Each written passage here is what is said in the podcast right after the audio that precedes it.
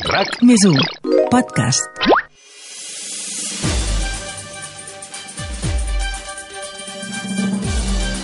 RAC més 1 us ofereix 14F amb Adrià Santa Susanna, la guia pràctica per les eleccions del 14 de febrer amb el suport de la Generalitat de Catalunya. Què tal, com esteu? Si us hi fixeu, ens passem tot el dia fent números. El temps que necessitem per anar a la feina, el preu que ens costarà el dinar, el número del carrer on és d'aquella botiga que ens agrada... I és que en unes eleccions tot, absolutament tot, també va de números. De quants vots treu cadascú i de com això es tradueix en escons. I és que avui us parlarem de la famosa llei d'on, la regla matemàtica que decideix qui s'emporta els escons, que decideix quan val el nostre vot i com queda el Parlament quan passem per la traductora el nombre de vots i es transformen en escons. Un sistema, el de la llei d'ON, que pretén fer equilibris entre territoris, un sistema també imperfecte, però que per ara és el que segueix a casa nostra. El vot de cada persona val el mateix? Per què ballen escons entre partits durant el recompte? Us portem totes les claus per seguir el recompte de les eleccions i que no se us escapi cap detall. Som-hi i benvinguts a 14F. I per descobrir la llei d'on en volem parlar amb el Toni Rodon, professor de Ciència Política de la Universitat Pompeu Fabra i investigador de la London School of Economics. Toni Rodon, què tal, com estem? Tot molt bé, gràcies. A Catalunya i a Espanya el sistema electoral que s'utilitza a l'hora de fer el recompte de vots, també la distribució d'escons al, al Parlament, és la llei d'on. Ens pots explicar grans trets què és això de la llei d'on? Bé, en primer lloc, i, i si em permet una mica el, el to pedant, eh, la, la coneguda com a llei d'on, de fet, no, no és cap llei. Això és quelcom que, que s'ha popularitzat i tothom l'anomena així, però realment de, de llei, una llei que s'anomeni on no n'hi ha cap. On, en tot cas, és una fórmula matemàtica o és una, una fórmula de distribució d'escons. De, el que tenim és el que s'anomena la llei electoral, que inclou moltes coses, com per exemple doncs, quan es pot fer campanya, eh, com es distribueixen els, eh, els, els diputats per districtes, etc etc. I una de les coses que inclou és aquesta fórmula matemàtica eh, que es diu eh, DON.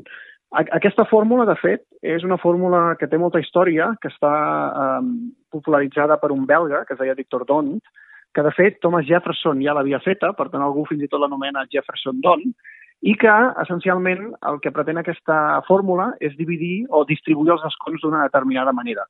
La manera en com funciona és una explicació simplement matemàtica, que és que els vots dels partits es divideixen pel nombre d'escons que té cada districte, cada circunscripció, i aleshores, en aquesta taula mental que ara els nostres oients es poden imaginar, es busquen els números més grans i eh, es busquen tants números grans com número de diputats es distribueixen en aquella circunscripció. Mm? Per tant, imaginem que tenim aquesta taula i repartim, eh, no sé, 17 escons, com és el cas de Girona, doncs buscaríem els 17 números més grans i, per tant, aquells números més grans acabarien, que corresponen a uns determinats partits, doncs acabaríem assignant aquests escons a aquests determinats partits. En resum, és una fórmula matemàtica, com n'hi ha moltes altres, que permet eh, al sistema electoral doncs, distribuir escons als diferents partits que es presenten a les eleccions. Com funciona? És a dir, quan estiguem el 14 de febrer a la nit, en aquells moments de, del recompte de vots, hi ha molta gent que es perd, que no sap eh, per què passa allò, que es guanya un escó en una demarcació, es perd en una altra, un escó cavall entre dos partits... Com podem entendre el funcionament matemàtic d'aquesta llei? Bé, hi ha diferents coses en, a, a tenir en compte. Potser eh, una de les més importants o bàsiques és el que s'anomena la barrera legal. Uh, un cop hi ha les eleccions, per cadascuna de les circunscripcions, i recordem que a Catalunya, en el cas de les eleccions catalanes, n'hi ha, ha quatre, que corresponen a les províncies, Girona, Lleida, Tarragona i, i Barcelona, doncs el primer que es fa, per dir d'alguna manera, és excloure en el recompte de l'aplicació d'aquesta fórmula matemàtica, doncs, s'exclou automàticament tots els partits que no passen a aquesta barrera electoral, que en el nostre cas és el 3%. És a dir, que si un partit no ha aconseguit arribar al 3% dels vots a nivell de districte, ja no li aplicaríem aquesta fórmula matemàtica. Amb la resta de partits, eh, i de nou, imaginant-nos aquest càlcul mental de posar els partits en les, en les files i el número de diputats a les columnes, i anem fent, i anem fent les divisions, eh, normalment eh, el que passa és que els escons acostumen a ballar per un partit i per un altre, simplement perquè els, els vots es compten de forma diferent. Mm? Normalment els, eh, eh, els vots, eh, depèn d'allà on siguin, eh, venen primer d'una zona d'aquella districte que no pas d'una altra. És a dir, per exemple, imaginem-nos que a Girona eh, els primers vots que ens, que, que ens arriben a comptats són de les zones urbanes. La gent de les zones urbanes vota molt diferent que les zones rurals. Per tant, la primera imatge que nosaltres tenim, eh, en certa manera, és una imatge un pèl esbiaixada de la realitat, perquè només estem comptant els, eh, els vots d'aquelles zones urbanes de Girona, seguint amb l'exemple. Mm? Per tant, aquí, en el fons, periodísticament, hi ha un debat, no? Si és que s'ha de mostrar eh, les dades des del principi, amb un 1% escrutat, o s'ha d'establir un determinat tipus de llindar per començar a informar la gent de què està passant. Mm?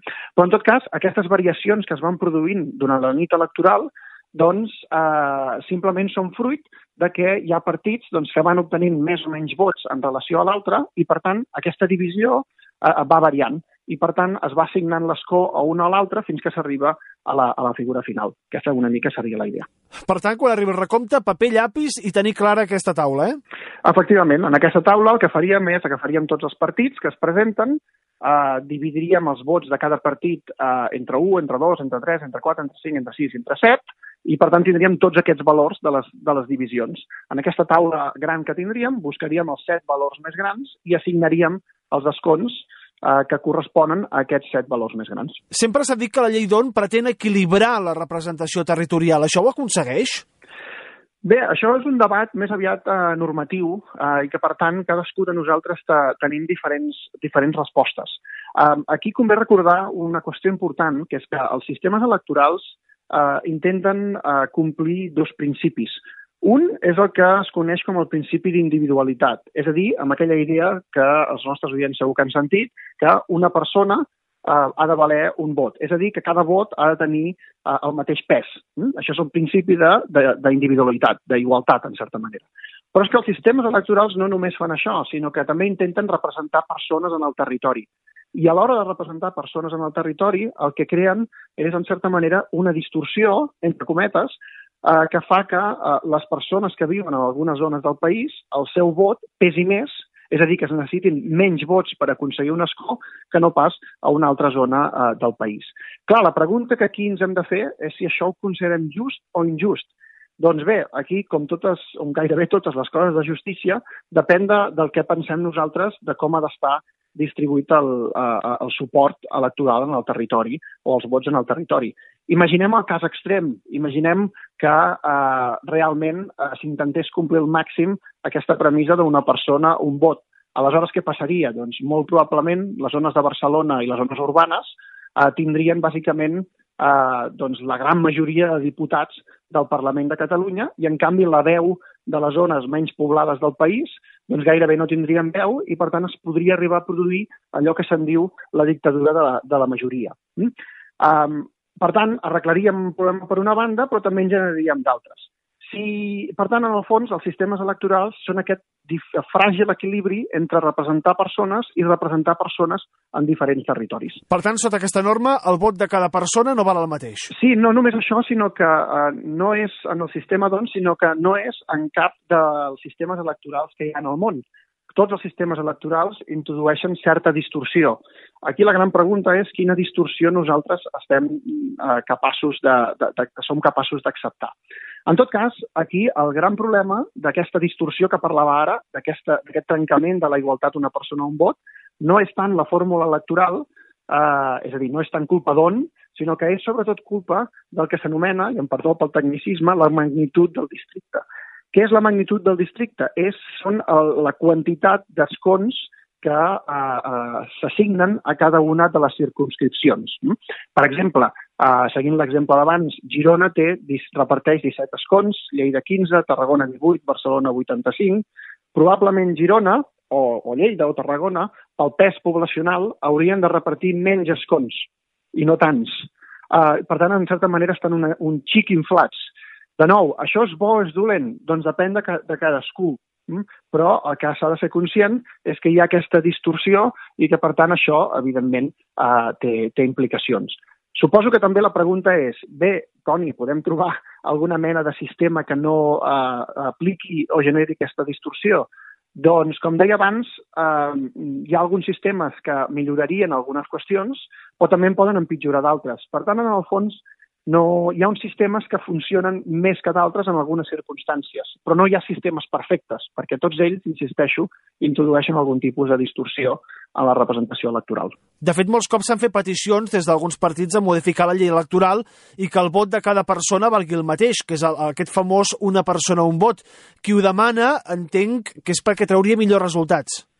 Totalment, absolutament, perquè els partits, fixa't, eh, que volen reformar la, la llei electoral quan són a l'oposició, però quan són al govern els incentius per reformar-la ja, ja desapareixen, perquè ja els beneficia. Uh, en aquest cas, doncs, els partits que consideren que tenen, o que veuen que tenen gran part de la seva, dels seus vots, per exemple, a les zones urbanes de Barcelona, doncs estan a favor d'augmentar més el, el nombre de diputats que es dona a les zones de Barcelona i, i viceversa. Mm? Per tant, en el fons, les reformes dels sistemes electorals són un joc de suma zero i, són, i per això els sistemes electorals es reformen tan poc, perquè hi ha molta incertesa, eh, perquè quan tu tens un sistema electoral, encara que consideris que sigui una mica dolent, eh, eh, doncs com a mínim saps com, com actuarà, i perquè canviar-lo el que acaba provocant és això, incertesa i a més a més que acabi eh, potser eh, sortint el tret per, per la culata. Aquí utilitzem la llei d'on. Quins altres models s'utilitzen al món a, eh, a, per, per fer de sistema electoral? És a dir, són més justos? Hi ha algun model que sigui més equilibrat que el nostre? Sí, eh, n'hi ha molts. El nostre sistema és un sistema proporcional, eh, per tant, dintre els sistemes proporcionals podríem pensar, per exemple, d'aplicar una altra fórmula electoral que generaria alguna mena de, eh, una mica més de, de, de proporcionalitat, és a dir, que no es beneficiés tant els partits grans. Per exemple, en lloc d'aplicar la fórmula d'on, podríem aplicar una altra fórmula que es diu Sandagüe, Uh, però després també es poden fer moltes altres coses. Com deia, no tot és només la fórmula electoral. Es poden canviar les circumscripcions. Um, aquí, i per donar la meva opinió, una de les coses que es podria fer és, en lloc de fer servir la província, fer servir quelcom que s'adequi més a la realitat de Catalunya. Al meu entendre, no té massa sentit eh, repartir escons, eh, per exemple, eh, basats en la província de Barcelona, en la qual està representant amb els mateixos diputats gent que viu al Pirineu amb gent que viu a la conurbació de, o l'àrea metropolitana de, de Barcelona. Però bé, eh, en el fons, aquí jo em remetré a una comissió que va haver-hi al Parlament de Catalunya fa un temps i que va proposar diferents idees de sistemes electorals nous i semblava, en aquelles èpoques, que hi havia un consens en aplicar el que se'n diu un sistema mixt, Uh, què és un sistema mixt? Doncs és un sistema molt semblant a, a l'alemany. Um, I en què consistiria aquest sistema? Bé, les persones, quan van a la urna, tindrien uh, dos vots, o un vot, en funció de com es fes, i uh, aquest vot que faria? Doncs s'optaria per un diputat o diputada a nivell d'una circumscripció petita, per exemple, jo soc del Maresme, doncs el dia de la, de la votació podries tenir una papereta i posar una creueta en el diputat o diputada que vols que et representi a la comarca del Maresme. Per tant, tu podries triar el nom de la persona concreta que vols que sigui el diputat i després hi hauria una mena de compensació en el, tot el territori català o amb una altra base territorial que repartiria la resta de, dels escons. Per tant, hi ha una combinació, per això a vegades es diuen que són el millor dels dos mons, aquests sistemes mixtos, entre repartir escons de forma proporcional i aquella idea anglesa o americana, eh, si es vol, que el partit que té un vot més ja s'emporta tota la representació. Ja per acabar, aquí a Catalunya fa molt temps que es treballa per tenir una llei electoral pròpia. Per què no l'hem tingut fins ara? I sota el seu punt de vista, què podríem incorporar en aquesta llei pròpia? Bé, uh, una mica la, els motius pels quals no hem vist els canvis en la llei electoral doncs van la línia del que comentava abans, que és que uh, reformar les lleis electorals és extremament difícil. Per què? Doncs perquè les preferències dels actors de la, dels partits polítics són molt distants, hi ha la percepció que hi ha molt a perdre, i sobretot perquè el partit que governa sempre té la sensació que si canvia la llei, la llei electoral, en certa manera s'està fent l'araquiri, hm? perquè està establint unes normes noves que potser en el futur no li van, no li van tan bé. Uh, en aquest país, per exemple, el PSC uh, reclamava una nova llei electoral des de fa temps, quan era l'oposició, després va arribar el tripartit i quan va governar el tripartit se'n va bàsicament oblidar de l'establiment d'aquesta nova llei electoral. I en certa manera passa això amb tots els, amb tots els partits. Uh, si estiguéssim en un món en què, d'alguna manera, uh, tant la, els partits del govern com de l'oposició eh, arribessin a un acord, la qual cosa veig difícil a, a curt termini, però imaginem que, que passa, Um, aquí es pot canviar de nou tot. Una llei electoral no només és la fórmula, sinó que són moltes altres coses. Es pot decidir quantes circumscripcions hi ha, com deia abans, potser que siguin Tarragona, Barcelona, Girona, Lleida no té massa sentit per la realitat catalana, es podria establir, no sé, la vegueria, la comarca, alguna altra cosa per repartir escons. Es podrien decidir moltes altres coses, per exemple, que les llistes, el tipus de llistes, ara mateix, com bé saben els nostres oients, les llistes són tancades i bloquejades, és a dir, que quan votem Uh, no podem fer cap creueta al diputat que volem i, a més a més, no els podem ordenar. No podem dir que el tercer de la llista sigui el primer o, o baixar el primer en, en quarta posició, etc. Però també es podrien fer altres, moltes altres coses en una llei electoral. Es pot decidir, per exemple, si es vota durant més d'un dia, es pot decidir si es permet el vot telemàtic o no, en quines condicions vota la gent que, que viu a l'exterior, etc. Per tant, en el fons, eh, i aquí aquest seria el meu resum, jo crec que eh, Catalunya eh, fa molts anys que està perdent una oportunitat d'aprofundir en la qualitat democràtica perquè ara mateix tenim un sistema electoral que no respon a les, a les realitats del país i que, a més a més, eh, s'ha quedat molt antiquat eh, en, molts, en molts aspectes. Per tant, la meva idea seria que eh, doncs no perdem més temps i a veure si d'una manera definitiva podem arribar ja sí a tenir una nova llei electoral. Doncs bé, que tot molt clar. Toni Rodon, professor de Ciència Política de la Universitat Pompeu Fabra i investigador de la London School of Economics. Moltes gràcies i, i fins la propera. Moltes gràcies. Doncs veurem si a la propera legislatura hi ha consens per fer una llei electoral pròpia a Catalunya que permeti això, doncs regular tots aquests temes que ens explicava el professor Toni Rodon. El proper programa, a veure, no sé si algú de vosaltres us ha passat pel cap alguna vegada si us heu plantejat ser candidats o candidates a la presidència de la Generalitat.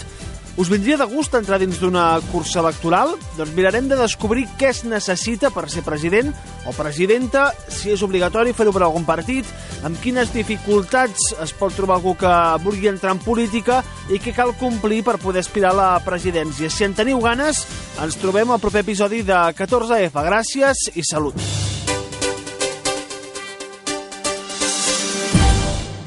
El 14 de febrer se celebren eleccions al Parlament de Catalunya. Davant la situació epidemiològica recomanem sol·licitar el vot per correu. Pots fer-ho a qualsevol oficina de correus o entrar al web correus.es amb l'IDCAT certificat, el DNI electrònic o altres certificats reconeguts. Tens temps fins al 4 de febrer. I si tens una discapacitat visual, pots demanar el kit de vot braille trucant al 900 400 012. Tens temps fins al 18 de gener. Més informació al 012 o a parlament2021.cat. Generalitat de Catalunya. RAC més 1. Tots som Més 1.